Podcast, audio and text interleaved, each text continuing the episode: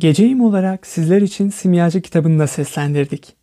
Dilerseniz bu listeye Simyacı Kitap Seslendirmesi adıyla arayarak ulaşabilir ve hemen dinlemeye başlayabilirsiniz. Şimdiden iyi dinlemeler. Kitabımıza kaldığımız yerden 27. bölümden devam ediyoruz. 6 yıl geçti aradan. Daha bu öyküyü kimseye anlatmadım. Dönüşümde rastladığım dostlar beni sapa sağlam gördüklerine sevindiler. Kederliydim ama onlara yorgunum dedim. Şimdi biraz geçti üzüntüm. Yani tam değil. Küçük prensin gezegenine döndüğünü biliyorum. Çünkü o sabah gün doğarken bedenine rastlayamamıştım. Öyle ağır bir gövde değildi. Şimdi geceleri yıldızları dinlemeyi seviyorum. 500 milyon çan çalıyor sanki.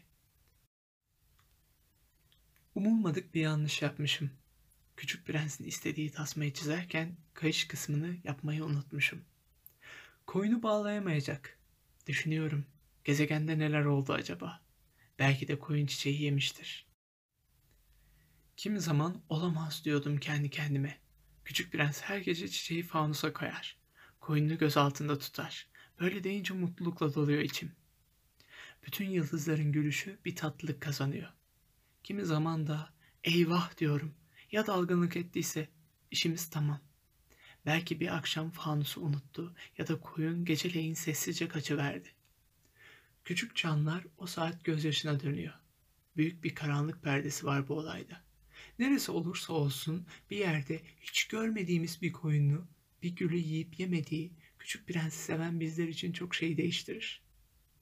Gökyüzüne bakın ve sorun kendi kendinize. Evet mi, hayır mı? Koyun çiçeği yedi mi, yemedi mi? Bakın nasıl her şey değişecek. Ve hiçbir büyük bunun nedenle önemli olduğunu anlamayacaktır. Bu benim için dünyanın en güzel ve en hüzünlü resmidir. Bir önceki sayfadaki resmin aynıdır ama belleğinize iyice yerleşsin diye bir daha çizdim. Küçük prensin yeryüzünde göründüğü ve kaybolduğu yerdir burası çöl. Bu resmi iyice inceleyin ki bir gün yolunuz Afrika'ya, çöle düşerse orayı tanıyabilirsiniz. Yolculuğunuzda bu noktaya gelince ne olur acele etmeyin. Bir süre yıldızın tam altında bekleyin. Karşınıza bir çocuk çıkıyorsa, gülüyorsa, altın saçları varsa, sorulara karşılık vermiyorsa biriniz ki odur. O zaman ne olur yüreğime su serpin, haber salın. Geri döndüğünü bildirin bana. 27 bölümlük Küçük Prens kitabımızı bitirdik. Yazar Küçük Prens'i nerede görürsek ona haber salmamızı istiyor. İşte son şifremiz de buydu. Dinlediğiniz için çok teşekkür ederim. Emeği geçen herkese çok teşekkür ederim. Artık bir sonraki bölümde görüşemiyoruz. Şifreleri bize yollamanızı rica ediyoruz. Güzel hediyelerimiz olacak.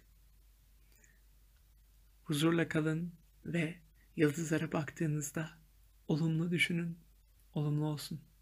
Kim bilir bir gün belki karşınıza çölde sarı saçlı, atkısı rüzgarda uçuşan küçük bir prens çıkabilir.''